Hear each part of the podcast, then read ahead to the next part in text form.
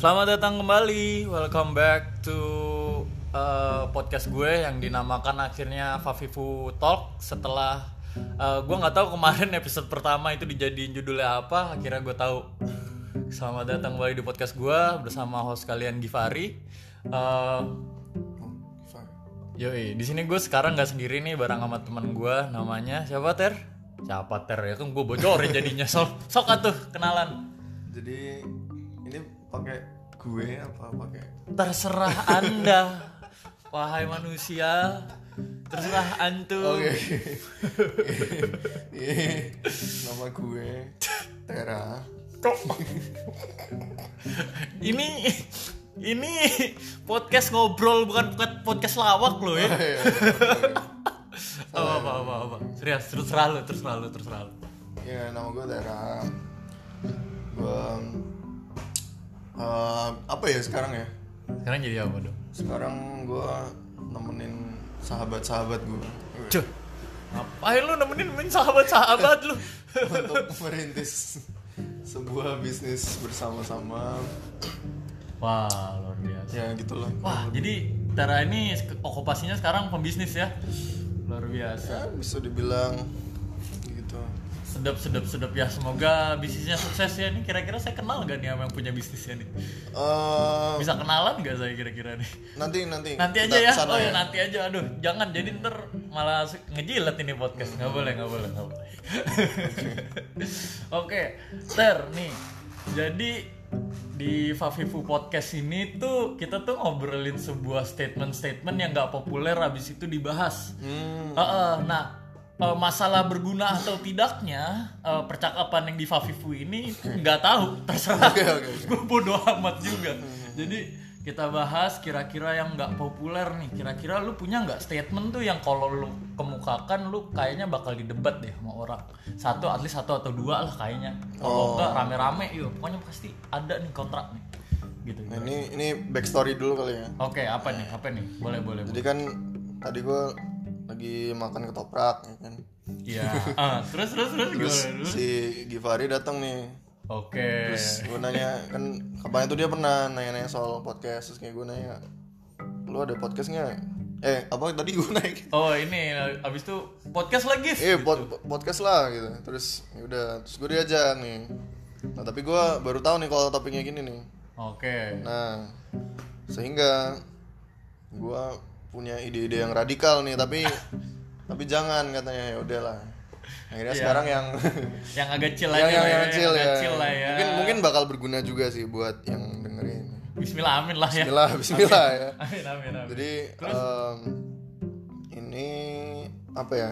Akhirnya ini gue sering eh, ngobrol sama eh, beberapa temen sih. Gue emang suka apa ya? Kayak ngide lah.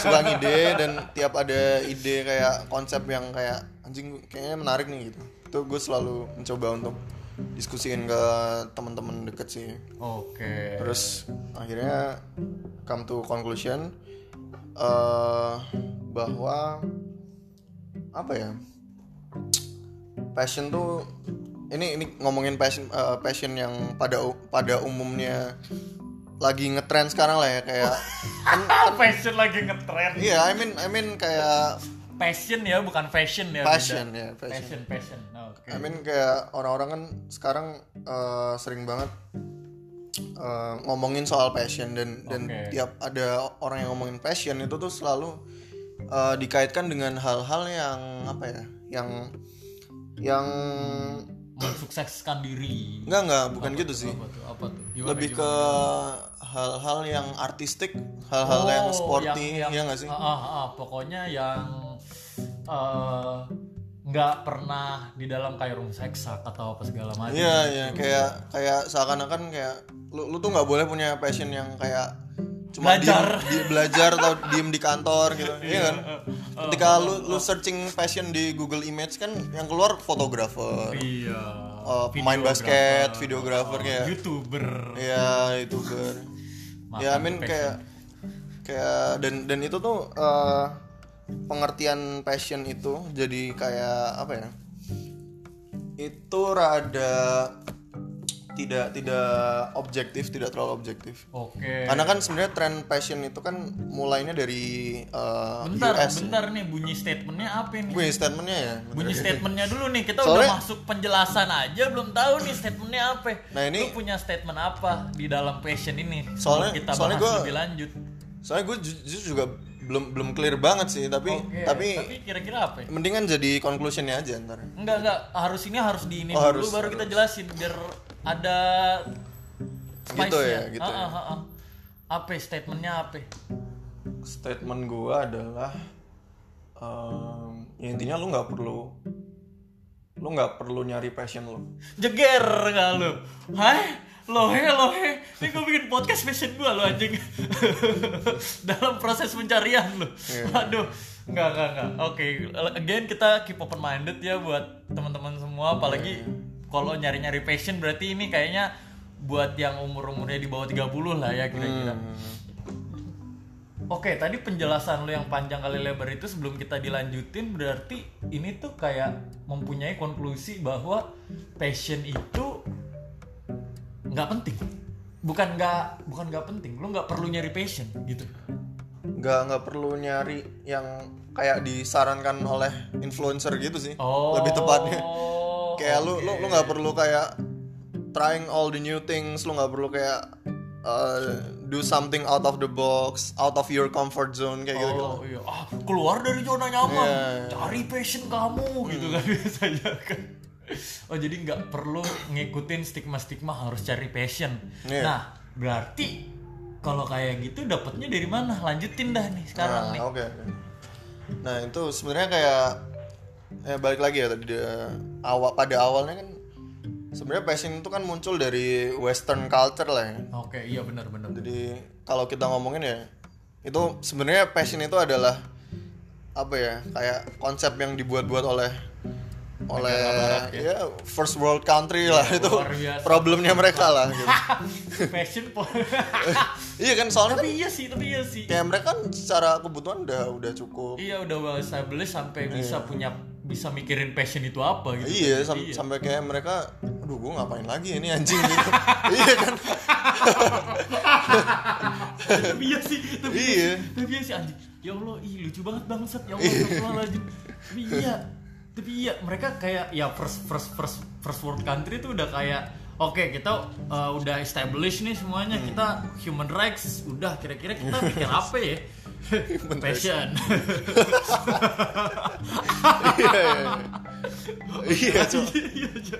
lanjut lanjut kan lanjut. kebay- kebanyakan narasinya kan seperti ini kan kayak oh gue nggak mau kuliah. Gitu. Kan- Oke. karena kalau gue kuliah gue kehilangan 4 tahun gue ngutang 200 juta eh 200 berapa sih? 200 ribu US dollar. Biasanya kan gitu kan. iya karena di US kan semahal itu. Iya terus makanya gue gue mendingan gue mendingan gue uh, ngejar ngejar passion gue aja gitu.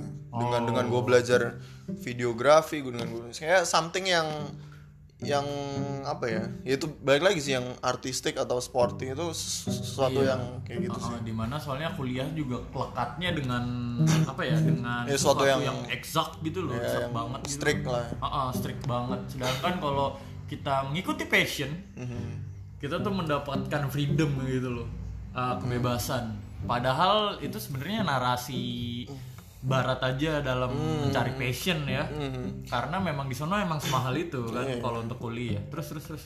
Dan efeknya tuh di kita ya ini karena gue tinggal di Indonesia gue gue tahunnya kan di Indonesia dong.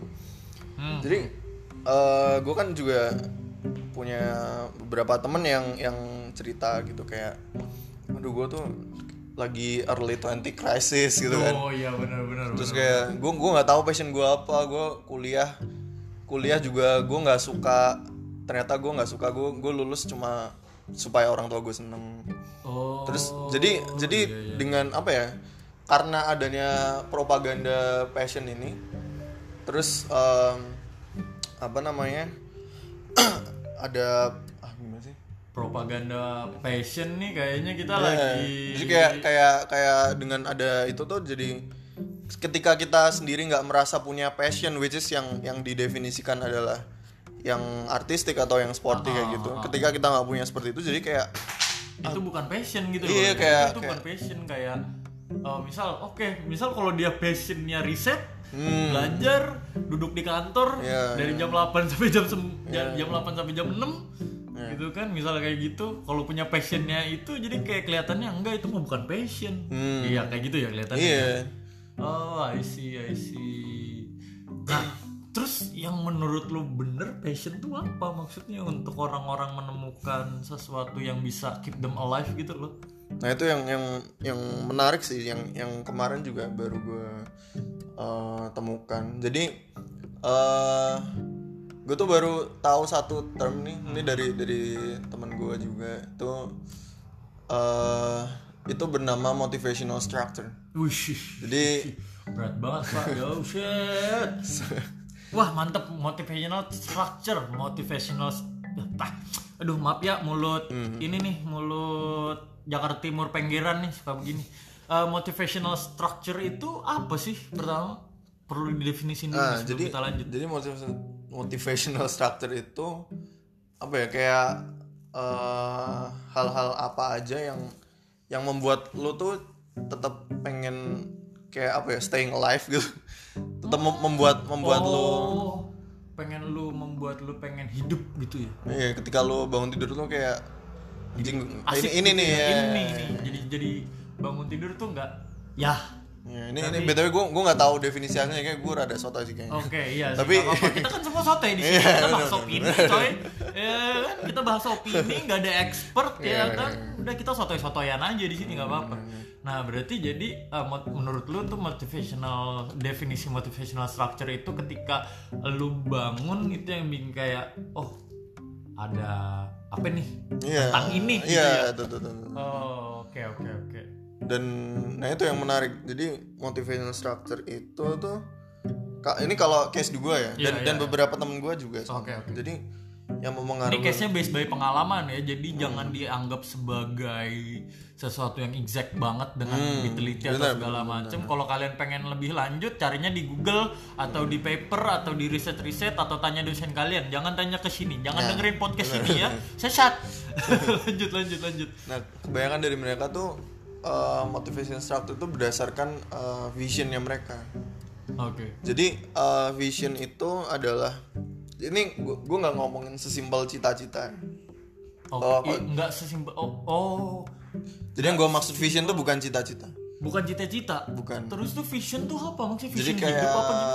cita-cita Tapi tuh cita-cita vision hidup. sa- salah satu bagian dari vision Oh, Ketika- berarti vision ini bagian yang besar banget ya di dalam hidup di iya, iya. sebenarnya. Oke. jadi ketika gue ngomongin vi- uh, vision itu kayak tuh nggak sesimpel kayak lu tuh pengen jadi apa sih jadi apa dalam artian lu pengen kerja jadi apa atau lu pengen jadi orang yang seperti apa yang tapi le- lebih lebih tepatnya kayak uh, vision lu tuh harus lebih spesifik gitu loh kayak Lu pengen apa di hidup ini gitu ya?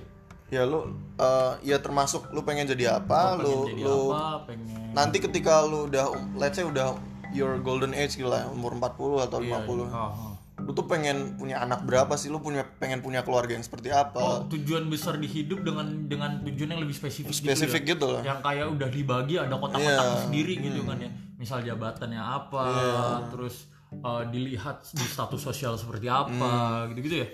Oh, termasuk itu kayak lu pengen punya hubungan keluarga Yang- lu yang kayak gimana? gimana pengen punya anak-anak yang seperti Oh. apa? pengen lu pengen berpakaian seperti apa? Lu pengen minum kopi yang kayak gimana sih? Es- Wah. sampai spesifik itu. Oh gila Iya. anjir anjir. Oke Berarti emang yang tujuan hidup yang dipikirin mateng-mateng banget ya iya. Lah ini mah yang dicari pas quarter life crisis anjir nah justru itu. Makanya kebanyakan orang tuh sa- salah ini loh salah salah approach. Ah, ah gimana? salah approach Salah mereka. approach dalam ketika quarter life crisis iya. berarti. Mereka malah kayak nyari-nyari ah gue tuh senengnya apa ya? gitu. Oke ini menarik banget nih. Ini gue nggak nyangka dari passion ya kan Iya. Nyampainya masuk ke ketujuan hidup juga nih sampai vision. Nah Iya. oke balik lagi quarter life crisis ca- Salah kebanyakan orang salah approach dalam quarter life crisis ini. Emang yang biasanya salah tuh kayak gimana sih? Example ya coba. Kayak misalnya nih gue gue nih gue orang yang mediocre banget nih misalnya. Oke. terus kayak gue gue nggak pernah accomplish apa-apa. Oke, flat kuliah aja ya gitu iya, hidup ya. kuliah juga ya udah gitu. Eh, Sekedar lulus get by nggak- nggak kumlot-kumlot juga misal kayak gitu. ya biar biar orang tua gue seneng biar Oke. Terus terus terus. terus em, Quarter life crisis nih. Quarter life crisis, ger. anjing Iya, gua. anjing hidup gua ngapain? iya gue iya bingung kan? nih gimana nih terus eh, Orang-orang biasanya nge-approach-nya kayak gimana nih? orang-orang biasanya kan nge-approach-nya kan eh, sebenarnya gue gue nggak nggak bilang salah juga sih cuma Oke, yang rada redundant gitu loh rada ada Oke, kurang agak efisiennya efisien. gitu Oke, siap dah. Mantep terus itu kayaknya nggak efisien itu kayak gimana? Contoh nggak efisien? ya biasanya orang-orang tuh kayak cuma ya udah eh, misalnya ngikut gitu Oh, ngikut sama orang-orang yang mungkin mungkin dianggap keren gitu ya Hmm. oke. mungkin. terus kayak oke kayaknya dia Coba copycat gitu ya. coba dulu nih Oh, jadi coba-coba ya mungkin mungkin memang ujung-ujungnya ada beberapa ada yang, beberapa yang yang- yang suka gitu Heeh. Tapi kan kalau udah gagal mesti nyoba lagi. iya mesti nyoba iya. lagi. jadinya banyak waste time-nya di situ sih Oke, jadi biasanya biasanya tuh kayak eh, yang pas quarter life crisis pas nemu makna hidup tuh justru pas di 26, 27, 28 biasanya kayak gitu. Hmm. iya iya kayak udah udah Kayak udah udah basi. ya maksudnya ya nggak basi juga sih. basi tapi juga untuk sih, untuk tapi start iya. tuh udah susah karena kan Udah udah susah. punya keluarga udah Iya, punya eh, udah banyak lah tanggungannya lah ya. jatuhnya kan efeknya panjang tuh Ah, jadi bener, dia bener. misalnya ngerasa unfulfilled jadi kayak ketika udah umur 30 40-an kayak Jadi nyesel. gua- gua- gua aduh. tadinya pengen kayak gini, gitu. Iya, heeh, segala macam. Oke. Iya. Nah, menurut lu approach yang efisien tuh gimana? Kan dari tadi kita udah ngomongin masalah ini, misal permisalan Hmm. yang biasanya kita lakukan ketika quarter life crisis. Hmm, Nah, sekarang yang menurut lu vision nih, yang Hmm, vision ini ketika men- kita ketika kita menghadapi suatu quarter life crisis, berarti kan kita harus punya vision di dalam hidup Iya. biar kita bisa menemukan makna di hidup kita sendiri waktu quarter life crisis ini kan. Nah, gimana caranya? Maksudnya ya biar efisien gitu loh. pertama lu harus eh, identifikasi dulu tadi eh, makanya tadi gue ngomongin motivational structure kan Aha. lu harus identifikasi dulu motivational structure dulu dan itu tuh di di bikin lu hidup lah ya tiap Ah. hari lah ya. Terus itu tuh dikonstruksi oleh banyak hal sebenarnya oke. yang pertama yang yang paling berpengaruh itu adalah ketakutan lu sebenarnya your fear Ah. Oke, yang jadi yang harus kita cari ketika punya motivational untuk mencari motivational structure kita, kita harus nyari takutnya takut ketakutan kita ketakutan apa? ketakutan bisa apa aja bisa lu Iya. kehilangan nenek lu bisa lu kehilangan ibu lu misalnya. Bisa lu lu lu sesimpel ah, lu lu nggak apa ya lu nggak bisa punya banyak teman misalnya. Lu dijauhin sama society misalnya. Ketakutan ketakutan itu. Kalau takut saya takut kena covid gimana bang? Eh, well susah juga ya Tapi bener ya itu jadi motivational starter dulu kalau lu takut Iya, sama jadi covid kan kalau kita misal takut karena Iya. covid kan ya kita bakal jaga diri banget maksudnya kayak Iya. bener-bener ya pakai masker double mask setiap Ah, saat bener terus kayak nggak pernah mau keluar rumah Hmm. gitu kan iya iya I- iya sih maksudnya ketika lu punya ketakutan berlebih terhadap sesuatu Hmm. kayak gue boleh mulai nangkap nih ketika lu apa ya? Ya tadi yang gue bilang Hmm. punya ketakutan berlebih terhadap sesuatu lu akan obses untuk tidak menjadi Hmm. ti- menghindari sesuatu ini dengan segala apa pun caranya Iya, gitu kan biasanya kan. Misal kan banyak banyak kan kayak orang-orang lu tuh harus mendefinisikan tujuan lo lah. Gimana lu tahu tujuan lo kalau lu aja nggak tahu kayak lu tuh takutnya apa. Karena karena menurut gue lebih penting mendefinisikan rasa ketakutan lu. Takut ya. Iya. Lah oke. Terus misal nih oke perumpamaan aja eh gue udah tahu nih takut gue apa? Takut gue A gitu. Iya. Oke, takut gue anggap aja real example-nya gue takut kayak eh, menjadi orang yang eh, nggak bisa bertanggung jawab misalnya kayak gitu. Itu kan banyak tuh. Eh, bentar soalnya eh, ketakut takut ketakutan itu kan cuma satu ini ya satu apa namanya Satu elemen. satu elemen doang ada beberapa elemen kan tadi gue Oke, bilang Oke, oke. Terus satu itu tadi ketakutan. Terus ketakutan yang kedua eh, dari masa lalu lu itu juga bisa masa lalu kenapa itu? misalnya eh, manusia kan terbentuk dari banyak apa ya kenangan pahit ya Ah, boy. Wow, wow, quote of the day sekali guys, mantap. gila keren. Serius gue gue juga baru Manusia, belajar. tapi iya sih tapi iya sih ketika kita pikir-pikir lagi yang membuat karakter di dalam diri kita kan sebuah kenangan-kenangan yang udah iya. kita lalui. Dan biasanya yang orang-orang hebat itu kenangannya pahit-pahit biasanya. Ya gak sih? Hmm. iya iya, bener bener. Einstein dulunya di oh Hitler nggak di- ditolak sama art school gitu maksudnya Iya, kan? iya. I mean dia hebat but iya kan jadi antagonis tapinya. Ya udahlah intinya kayak gitulah. Pahit-pahit iya ya. iya. Iya ya. Karakter lu dibangun oleh Iya, kompleks lo anjir. Iya ya iya. Ah, hmm. Ah, aduh, ini yang punya, pengen punya anak ntar apakah anak saya harus saya kasih trauma apa kira-kira? bener bisa juga sih bisa ya. di plan gitu kan iya, ah. oh gue harus mukulin dia di bagian pipi kanan nih gitu. biar dia jadi apalah gitu iya. Jadi kayaknya dia bakal tinju handal. kan? Saking bisa menghindarnya, wah gila anjing.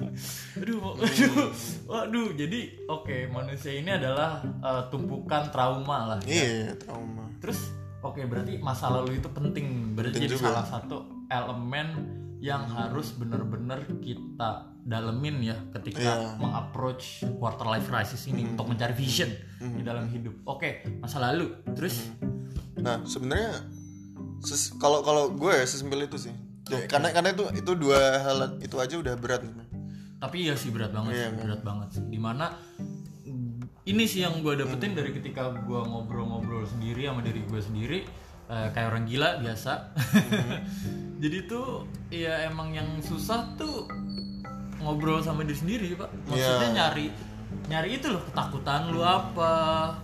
eh terus tadi ada ketakutan, ada masa lalu. Maksudnya masa lalu banyak ada traumatic exper- experience yang nggak pernah mau kita ingat lagi anjir. gue pernah lo gue pernah gue saking traumatis sama nih satu experience gue lupa itu hilang dari memori gue nah ketika kebuka lagi tuh ada teman gue yang ngajak ngobrol gue soal masalah eh, itu. Terus kayak anjing ya gue pernah ngelaluin itu ya. Terus kayak ber lo pengen nangis. Maksudnya berat gitu loh. tapi iya sih berat banget. Nah ketika lu udah tahu ini maksudnya kalau apa fungsinya men di dalam mencari vision? Hmm. Nah setelah lu tahu ketakutan lu dan apa namanya? Masa lalu lu gue Iya, terbuat dari lalu, apa iya, sih? gitu. Lu lu jadi tahu kan mana hal yang penting dan hal yang tidak penting gitu. Di dalam hidup? Dalam hidup lu. Oke. Ngerti nggak maksudnya?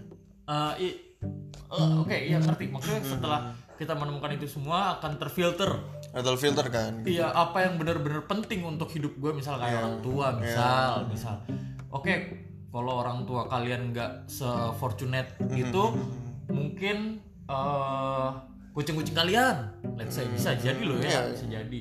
Oke, kucing-kucing kalian, terus atau enggak kalau misal ibu atau bapak salah satu aja gitu, atau orang tua jangan eh, adik gitu, adik yang paling penting gitu loh misal eh dari oh atau dengan sahabat-sahabat yang udah nemenin lo sampai sekarang gitu misal. Misal kayak gitu kan. Itu banyak banyak kan yang terbuat Iya, iya, iya. dari masa lalu setelah kita tahu prioritas-prioritas yang paling penting di hidup kita. Ya kan udah let's say itulah tadi. Nah terus yang nggak penting kan jadi ke shout out nih. Misal oh basa basi gitu ya kan? Nggak perlu lagi jadi kita. Iya iya. oh eh, kita nggak perlu apa nggak perlu eh, kita tuh ternyata nggak perlu loh eh, ngejilat atasan misal gitu Iya, kan iya. Eh, karena sebenarnya karir tuh bukan hal yang penting banget ternyata di karena di di hidup gua hidup misalnya lo oke gitu iya, iya, iya. oke I see I see oh iya sih setelah kita tahu itu kita oh ternyata misal oh karir tuh penting banget Hmm. oh enggak karir tuh nggak penting nggak penting penting aja nggak penting penting banget gitu loh Hmm. ya kan Iya, iya, iya. bisa jadi kayak gitu karena ya kita sendiri yang filter kan Iya, iya. Ah, ah, bener bener Dan, dan setelah itu kan kita jadi tahu kayak definisi sukses kita gitu. I, oh Iya kan? oke I mean uh, gimana ketika coba ele- elaborate elaborate ket- ketika oke lu lu lu udah udah tahu nih apa tadi kayak ketakutan lu, lu udah tahu um, ma- masalah, lu. lalu ah, ah. Terus lu kan ujung-ujungnya jadi jadi tahu tadi uh, mana yang tidak penting, mana yang tidak penting. Setelah itu eh, lo jadi punya apa namanya gambaran gitu loh kayak oh eh, ya udah gue tuh pengen jadi orang yang kayak gini nih Oh. jadi ketika gue jadi orang ini ya gue sukses nih gue udah sukses Oh, I see. Jadi Maka- nggak nggak sesuai dengan standar sukses yang ada di iya masyarakat kita iya sekarang ya. iya makanya Punya jabatan, harta, tahta, ya, Iya. ya harta, tahta sama istri yang alim atau gimana gitu kan. Normalnya kan seperti itu. Iya. Makanya banyak banyak kan sebenarnya orang yang orang yang dia tuh eh, nggak nggak punya definisi sukses, sukses, sendiri, gitu. sendiri, karena iya, benar, mereka nggak nggak punya keberanian untuk menempuh eh, path tadi kayak So, iya mengobrak-ngobrak bisa, iya. diri kita sendiri gitu ya mencari apa sih kita gitu apa sih aku aku nih siapa iya. gitu. ujung-ujungnya mereka cuma ya udah ngikutin aja. Oh ya standarnya sukses tuh punya duit banyak Iya, punya iya. Uh, uh, denger- keluarga yang kayak denger- gimana gitu denger, kan. denger motivasi-motivasi di Iya. YouTube ya kan? Ujung-ujungnya ketika mereka udah kom- accomplish itu semua tetap nggak nggak fulfilled nih kayak Uh, uh, uh, kosong hidupnya. iya tetap kosong. Oh cuma ya dapat pride aja gitu paling. Gila. Ntar umur lu berapa? Gue lupa Eh, dua tiga. Luar biasa teman-teman. Umur 23 sudah menjalani quarter life crisis duluan. Sebelum orang yang umur 25 Wih, gila sedebat buset. Gue ngobrol kayak gini udah kayak orang 40 tuh. Gue ada sotoy sih iya namanya gue gue nggak nyebutin umur gue soalnya kalau gue nyebutin umur gue di depan gue nggak bakal dengerin, dengerin. makanya oh, kita jebak ya. Kita jebak gini kayak ngobrol dulu kayak udah pakar banget ya kan? Pas denger lo he lo he. Kok jelek umurnya Jelek umurnya. enggak maksudnya nggak jelek ya Allah. Salah ngomong saya pemirsa astaga. Oke kembali lagi tadi di eh, statement vision ini. Mhm. Nah, bukan statement sih. Maksudnya vision ini. Oke, setelah kita berarti dengan kita tahu apa itu kita, kita bisa punya vision. Tapi kata lu visionnya tadi harus spesifik.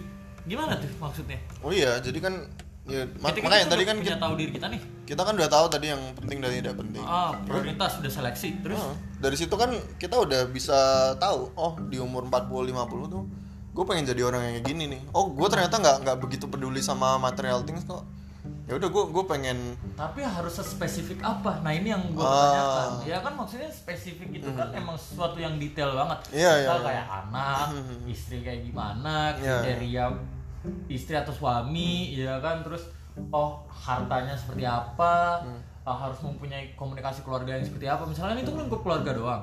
Nah, misal kalau pertemanan seperti apa, kan spesifik banyak nih. Iya, iya, Kira-kira harus sampai mana kita menemukan kespesifikan itu? sebenarnya kayak lu lu nggak perlu kayak ras langsung semua gitu kayak Oh, itu pelan-pelan. one at a time aja Oh, Oke. Kayak- Jadi misalnya lu pengen ngedefinisiin pertamanya ya udah kerjaan dulu lu lu oh lu pengen jadi yang orang yang kerja kayak gimana sih apakah lu bakal accomplish dengan cuma jadi pegawai doang atau Oke, apa oke.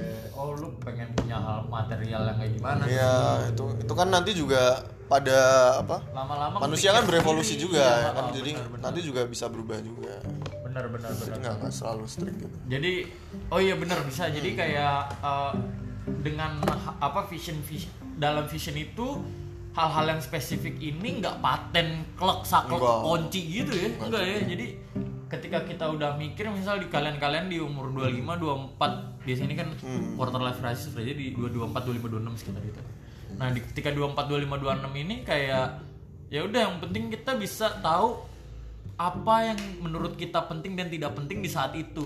Ya kan? Dengan cara ngediscover eh, masa lalu kita terus sama ketakutan kita tuh apa. Mm-mm. begitu? Bener oke. Wow. Pencerahan sekali Su ya, mikir lu, lu, butuh juga ya berarti. Kayak bener, saya umurnya 24 kan. 24 ya. Ini udah cocok jadi punya eh, apa namanya eh, quarter life crisis. Iya. Saya mendapatkan wejangan dari umur 23 Teman-teman, aduh nggak apa-apa lah ya. Maksudnya sekarang age age doesn't really that matter gitu loh maksudnya. Yang penting orang-orang kan juga bisa berpikir bisa lebih bijak daripada umur-umur yang 30, 40 gitu kan di umur yang 25 gitu. kadang-kadang bisa begitu. Ya. Maksudnya zaman sekarang kan cepet bertukar Iya. informasi itu kan. Bisa baca paper di mana jurnal segala macem kan bisa baca duluan. Yang penting jangan sotil. Tapi enggak sih di sini sotil boleh sih. I mean kalau lu percaya sama podcast ini ya syukur kalau enggak ya udah nggak apa-apa ya. Gitulah. Oke guys bentar ini ada teman saya nih kurang-kurang nih. Bagaimana? Tolong anda yang di sana diam hei. Sebenarnya guru spiritual kan ini dapat ilmunya ya dari dia nih. Bayang, makanya dia diem aja dari tadi. Diam aja nih. Iya, orang udah tahu. Lanjut. lanjut, lanjut, lanjut. Nih, aduh, tadi kan kita udah ngobrolin masalah uh, approach vision di dalam quarter life crisis itu apa. Tapi kan kita kembali lagi ke topik awal nih. Iya. Coy, di mana passion itu nggak penting. Iya.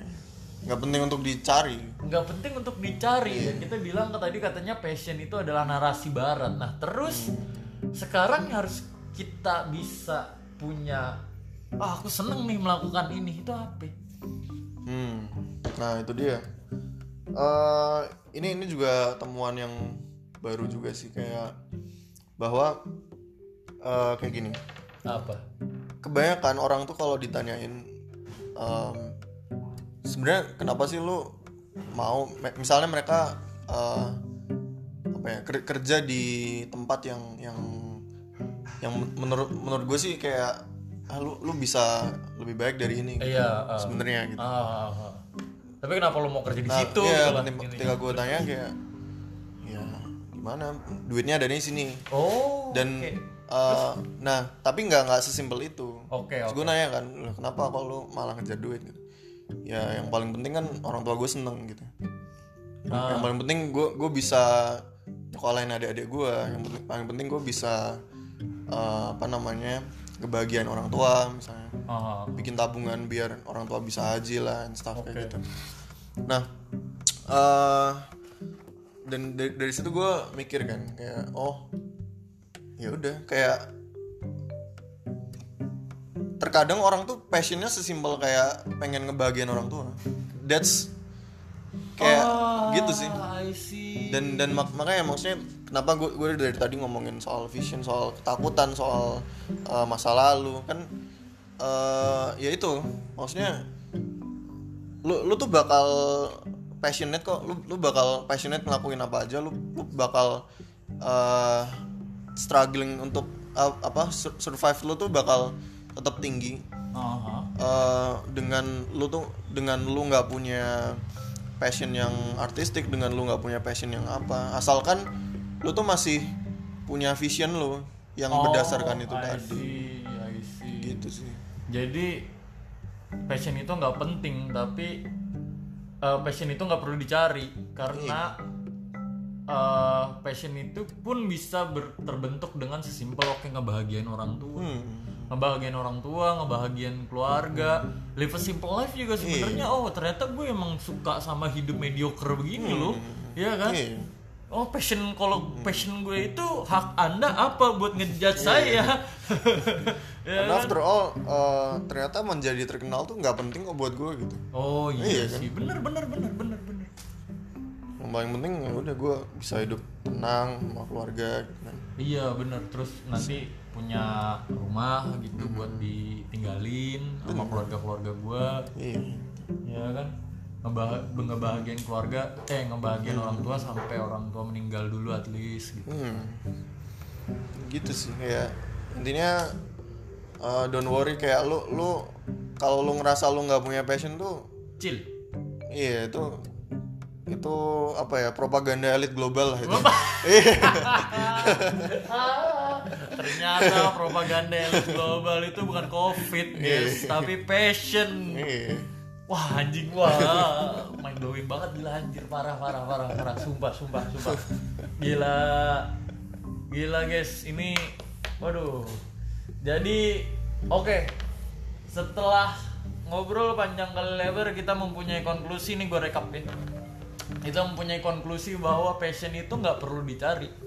Karena eh, passion itu adalah sebuah kata-kata yang terbawa oleh budaya barat elit-elit global nih mantep banget Eh, dengan apa ya dengan kita mempunyai vision kita dengan cara mencar men- mempunyai motivational sebuah motivational structure dari eh, ca- dari apa itu ketakutan da- dengan cara mencarinya apa itu ketakutan kita sama masa lalu kita benar gak sih? Apa Iya, nih bener, statement gue agak jumble?